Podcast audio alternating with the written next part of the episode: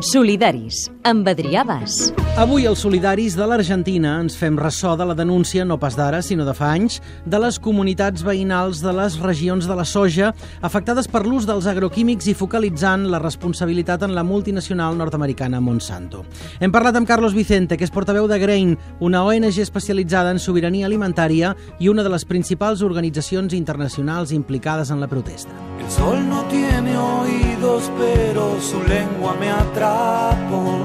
Crece la escasez y hasta la palabra vacío. L'Argentina, del graner d'Europa als anys 40 del segle XX a un model intensiu i agressiu amb els propis veïns. Bueno, yo creo que es muy importante para pensar a la Argentina en este siglo XXI y en este momento histórico en un proceso de transformación durante las últimas décadas, más precisamente desde 1996, en que se introduce y aprueba de manera muy regular el cultivo de soja transgénica, se aprueba el maíz transgénico, ambos resistentes al glifosato, que producen una invasión del territorio, llegando hoy a 24 millones de hectáreas que significan el abandono de otras producciones, que significan la fumigación masiva de los territorios, donde se aplican más de 240 millones de litros por año de glifosato,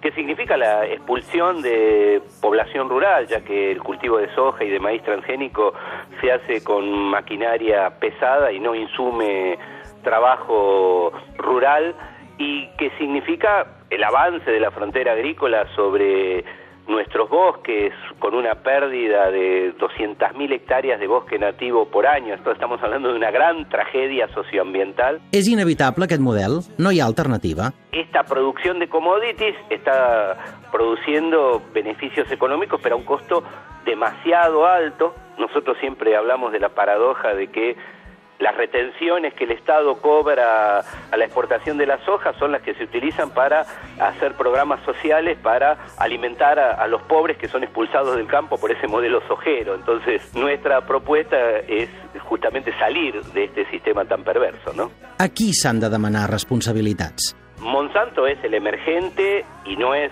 un actor menor, es el mayor productor de transgénicos del mundo, es quien obtuvo el glifosato tuvo por 20 años su patente, pero por supuesto no se puede desconocer que Syngenta, Bayer, Dow, DuPont son otros actores. I la societat civil argentina què hi diu de tot això? Desde hace varios años hay todo un movimiento de pueblos fumigados que llevan adelante una campaña que se llama Paren de Fumigar, y hay datos estadísticos concretos que, por ejemplo, demuestran que en la provincia de Córdoba las estadísticas provinciales muestran, por ejemplo, que los casos de cáncer triplican la media provincial, ¿no? La governança i la sobirania compromeses. Mira, yo creo que el problema de la Argentina hay que mirarlo en el contexto del problema global del agronegocio y que claramente tiene una situación en la cual las políticas públicas vinculadas a la agricultura no se dictaminan por las necesidades de, del pueblo argentino, sino por el interés de estas corporaciones.